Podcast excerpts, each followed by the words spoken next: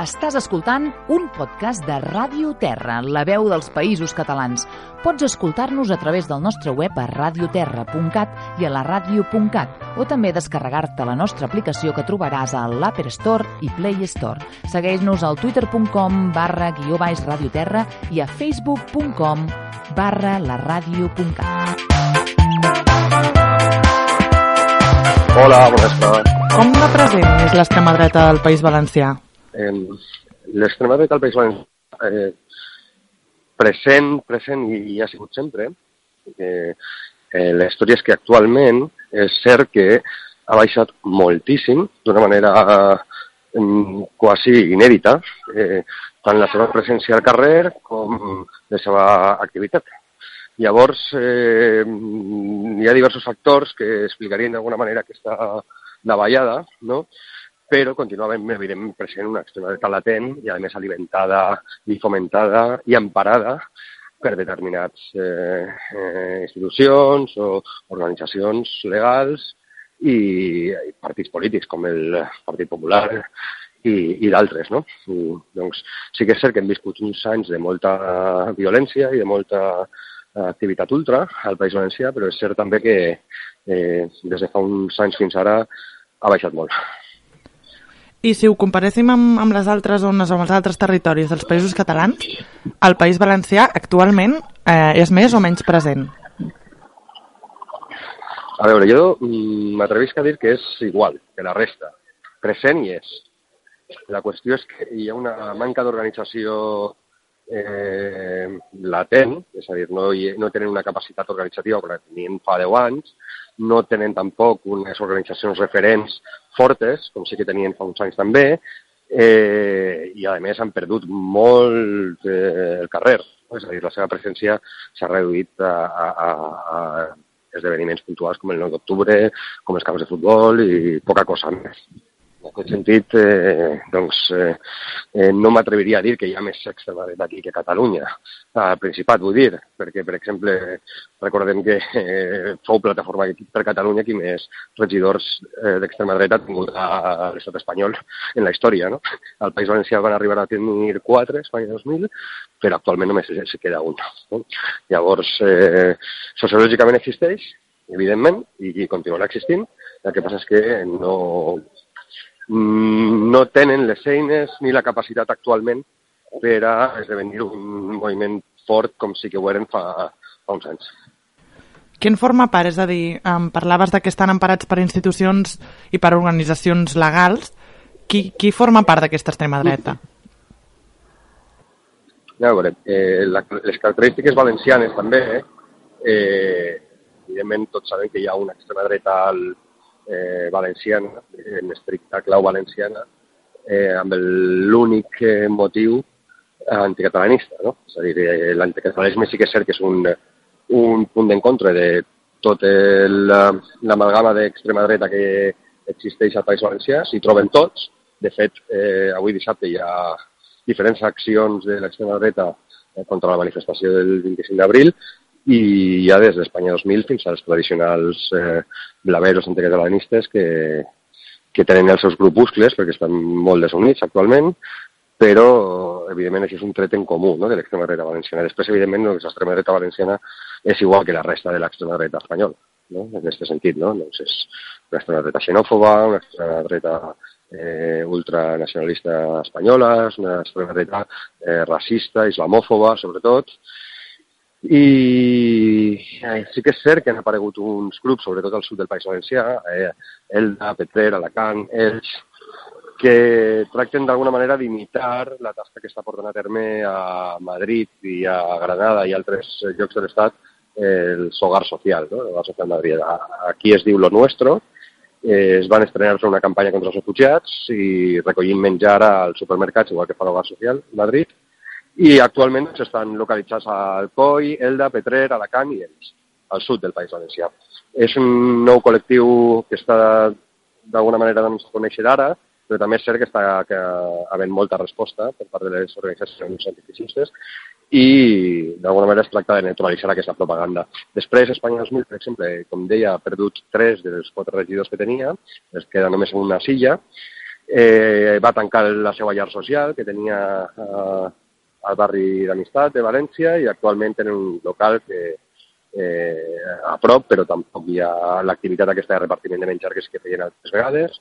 I després, eh, manifestacions i actes de l'extrema dreta mmm, gairebé no en tenim. Almenys el que és el, a València, que era el nucli sempre no, d'aquesta extrema dreta, actualment doncs, no, no hi comptem amb, amb una presència molt notable. Evidentment, continua havent extrema dreta, continua havent agressions, continua havent activitat, propaganda, etc. Però no amb la normalitat que es veia fa 10 anys, no? que era una cosa exagerada. No? Actualment doncs, no estem en aquest punt i les coses han canviat per a bé en aquest sentit. No? Estan molt desorganitzats, molt desmoralitzats també i, i bueno, eh, aquest és una miqueta el panorama actual. No? Tota l'estona compares de, de fa 10 anys amb ara. Quin és el desenvolupament una uh -huh. mica històric d'aquesta extrema dreta? A veure, el País Valencià, l'extrema dreta ha sigut una extrema dreta molt violenta des de la transició, i hi ha hagut morts, hi ha hagut atemptats eh, eh, bombes, amb trets de pistola... Estic parlant de fa 10 anys, eh? no t'estic parlant de fa, de, de fa 30, no? és cert que de fa 10 anys ho compare sempre perquè fa 10 anys va haver una onada violenta molt, molt, molt forta, amb, eh, amb, gran, amb atemptats, amb explosius, una, més d'una vintena d'atemptats explosius, agressions quasi cada setmana, i era una situació una mica complicada, no?, en aquest sentit, no?, i boicots, actes, eh, agressions cada dos per tres, etc. No? Eh, la seva evolució a nivell de carrer és cert que eh, han baixat molt, com comentava abans, perquè ha hagut una posició molt forta, ha hagut un esperit d'unitat també no? dins de, dels moviments socials que han plantat cara a aquest fenomen, fent denúncies, eh, eh, ocupant els espais al carrer que, que tractaven d'ocupar ells, com el 9 d'octubre, per exemple. I, per altra banda, a nivell polític, doncs, sí que és cert que han, han perdut eh, eh, molta força. Primera perquè gran part de l'extrema dreta bravera, anticatalanista, ha sigut fagocitada per el PP, no? des dels anys 90. Des que van començar a triomfar a Unió Valenciana, doncs el PP ja s'ha encarregat de capitalitzar aquest vot no? de l'extrema dreta anticatalanista i ho ha aconseguit, fins al punt de desactivar-la, pràcticament. És a dir, ara queda grups residuals que damunt no s'entenen entre ells, estan barallats i que continuen actius, però bueno, no amb la intensitat de fa uns anys. No? I després, eh, evidentment, doncs, que continua una extrema dreta xenòfoba en xicotetes organitzacions eh, que fan campanyes puntualment amb enganxines i tal, però no, no, no hi ha gairebé una presència així notable i preocupant, eh, almenys eh, com l'hem tingut els darrers 30 anys fins a l'actualitat. No? El paper del PP ha sigut molt important per a desactivar el, el blaverisme, en aquest sentit, i inclús ells ho saben, no? Els anticatalanistes saben que ha sigut el PP en part el responsable no, d'aquesta desactivació. No? I, I bé, i en això estem. Ara, ara parlarem una mica de com ha afectat en aquesta extrema dreta els canvis, els, aquests últims canvis polítics al País Valencià, però abans d'això, com que aprofitant -huh. que comentaves una mica el paper de, del Partit Popular en aquesta desactivació, um, també passa al País Valencià que una mica no, a l'estat espanyol tenim menys extrema dreta potser que, que el que està passant a Europa és perquè la dreta política uh -huh. al País Valencià també s'està radicalitzant i per tant és d'aquesta manera com aconsegueix endur-se aquesta, bueno, la presència de l'extrema dreta racista uh -huh. i xenòfoma a veure no s'està radicalitzant és la consigna des de fa 30 anys, des dels anys 80. Si veiem els resultats electorals de Força Nueva i dels partits nostàlgics franquistes a principis dels anys 80, l'any 79, quan va aconseguir un, un, un diputat, i després veiem eh, el trasbassament de vots que hi ha, per exemple, a l'Aliança Popular, ja comença aquest, aquesta, aquesta fagocitació també de l'extrema dreta per part del Partit Popular i de la dreta. Eh, després a nivell regional també, no?, dels partits regionalistes, no?, de, de dretes. I no és un fenomen nou. El Partit Popular és un partit eh, que es diu en ciència política el, catch-all, no? l'atrapa-ho tot, no? que agafa des del centre liberal fins a l'extrema dreta. I el PP eh, remeta enquestes del CIS, no? de, publicades ja fa uns anys, on situava al voltant d'un 90% de les persones que es consideren a elles mateixes d'extrema dreta, ¿vale? eh, es confessaven votants del Partit Popular. l'opció que hi ha a la dreta, al Partit Popular, eh, des de fa molts anys, és molt mediocre, és molt eh, poc atractiva per l'electorat eh, d'extrema dreta, a més està poc unida. Això provoca una sensació també de, de, de, de desemparament no? al votant d'extrema dreta que acaba anant a parar al Partit Popular, que ja compleix en part aquesta funció en determinats moments no? d'aplicar una política o, o unes consignes d'extrema dreta, en el cas de la memòria històrica, per exemple, en el cas, eh, un exemple clar, doncs, podria ser el García Albiol a, a Badalona, amb les seves polítiques racistes, i, i eh, també amb la campanya contra el nacionalisme, bueno, l'independentisme arreu de l'estat espanyol, doncs també el PP ha tingut eh, la bandera sempre no? de la defensa de la unitat d'Espanya. Per tant, deixa un espai molt reduït a l'extrema dreta, en aquest sentit, i la pròpia idiosincràsia de l'extrema dreta espanyola, que és eh, cutre, diguem-ho així col·loquialment, doncs no és atractiva. Llavors el votant acaba sempre anant a parar a eh, el Partit Popular que fa aquesta funció de quan en quan. No vull dir que sigui un partit feixista, ¿vale? sinó que compleix aquesta funció en alguns aspectes que ja contenta l'electorat d'extrema dreta. Sí, com comentaves, a, a, ho atrapen tot, no? Um, com com s'han sí. adaptat aquestes persones o l'extrema dreta al País Valencià als canvis polítics, ara sí, del govern de, de, la darrera, mm. de les darreres eleccions? Doncs anem a veure, el, el canvi polític en aquest sentit ha sigut molt significatiu per diverses coses, perquè tant el discurs com eh, l'activitat que està fent eh, el nou govern valencià, tant a l'Ajuntament de València, per exemple, no, com, a, com a, a, a la Generalitat, doncs no entra en aquesta polèmica, de, per exemple, amb el tema de, dels, del, dels símbols o el tema de la llengua i tal, vull dir, ho viu amb, ho, i, ho, i actua amb total naturalitat. Evidentment, sempre va haver una oposició política a tot això per part de la dreta i de l'anticatalanisme, perquè és evident no? que la política ja no és la que feia el PP. El que passa és que al no entrar a la batalla, al no alimentar aquesta a, a, a aquesta falsa polèmica, doncs estan sincerament prou desesperats. Eh, l'extrema dreta i sobretot l'anticatalanisme està perdut, està, no, no sap què fer, està desemparat, eh, eh, tracta d'anar en, en contra de l'Acadèmia Valenciana de la Llengua, però resulta que fou el PP qui la va crear. És a dir, hi ha una sèrie de, de, de, de, de situacions així i, històriques dels darrers anys, el tema de l'acadèmia és molt important, perquè la va crear el PP, no? en aquest sentit, i actualment és la màxima autoritat lingüística al País Valencià, no? perquè ja via Estatut d'Autonomia per tant és una cosa ja perduda no? pels claveros en aquest sentit. Llavors, tot això i després la naturalitat amb la que es viu moltes altres coses, la normalització també, una altra manera d'entendre el País Valencià, que ja no és la que capitalitzaven ells o el PP o la que preconitzava, no? la folclòrica, la casposa, no? la, la, la, la lligada, diguem, també a la identitat espanyola i tal, doncs eh, a poc a poc eh, la gent, evidentment, doncs, va anant a l'escola, va coneixent, es va normalitzant també eh, una altra manera de ser eh, valencians i valencianes, no? i llavors l'extrema dreta veu molt reduït el seu, el seu públic, no? perquè la gent ja ha après a conviure amb això, ja ha entès que no hi ha una única manera de ser valencians, valencianes, i evidentment hi ha un espai, eh, un, una travessera per el desert que estan fent actualment aquestes organitzacions que és molt interessant, perquè no estan sabent capitalitzar aquest eh, canvi polític al seu benefici. Evidentment, el PP sí que tracta d'alguna manera de eh, eh, posar eh, d'alguna manera eh, polèmiques falses sobre la taula, de tractar d'alimentar el monstre anticatalanista una altra vegada, etc etc. No? Jo diria, a més, mira, eh, hi ha una ofensiva molt evident de l'extrema dreta a la premsa. Mitjans de comunicació de, tradicionals de, dretes, conservadors, sí que és cert que són, diguem, actualment l'ariet, no? diguem, contra el, el, el govern i tot això, però en aquest sentit m'atrevisc a dir que l'activitat i la pràctica del, del nou govern ha sabut sortejar, al meu parer, molt bé aquest, aquestes falses polèmiques i aquestes pèrdues de temps, no? Al final, que entre els valencians està discutint sobre símbols i, i sobrenoms d'alguna manera la societat valenciana ja està una mica cansada d'això, ja no li preocupa. Li preocupa tenir treball, li preocupa arribar a finals de mes i li preocupen altres coses. No li preocupa, eh, com li preocupava fa 30 anys, d'alguna manera, no? el conflicte identitari valencià. No? I de moment no n'estan sabent, però creus que...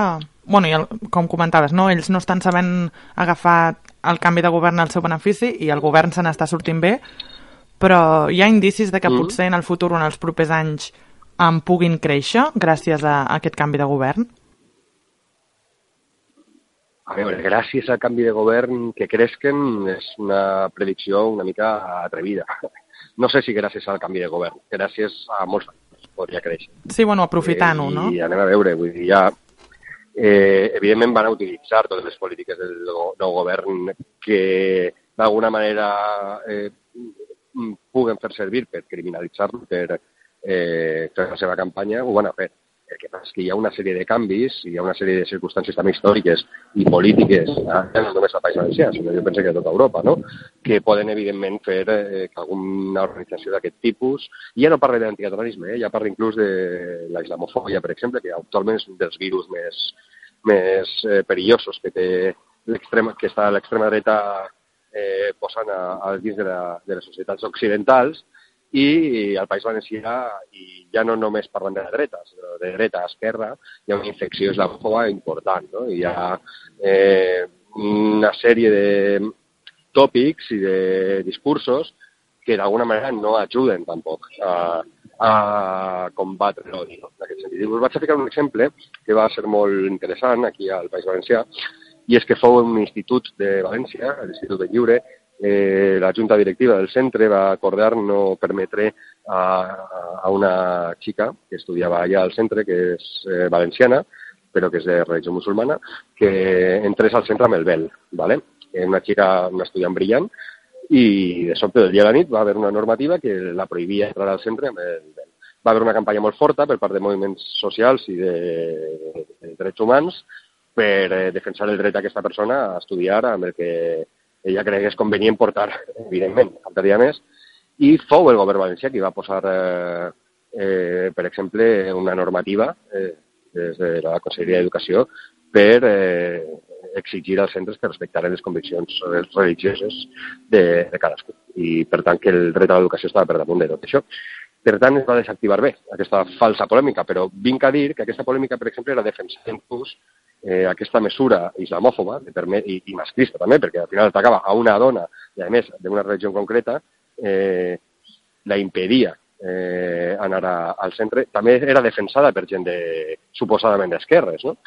Llavors, eh, en el nom no, de, de, dels valors d'Occident, que sembla que són el far no, de la humanitat de, de drets i llibertats, no? sembla.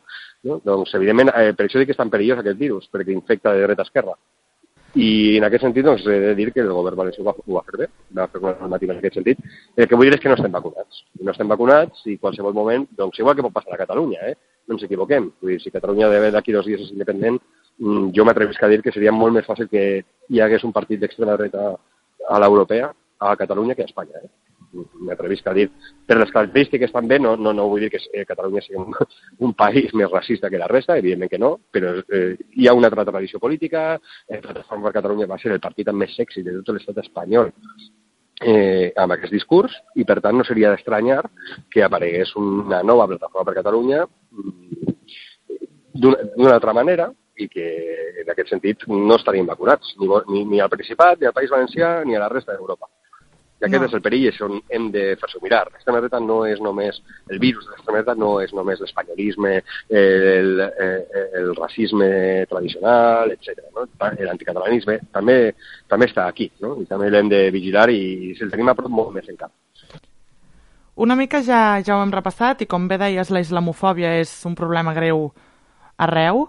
Quin discurs, però, està fent aquesta extrema dreta? És a dir, és anticatalanista, és proespanyolista, també va en contra les persones de, de religions que practiquen religions diferents a la catòlica, també fan campanya en contra de les persones refugiades, és a dir, quins altres discursos està fent aquesta extrema dreta?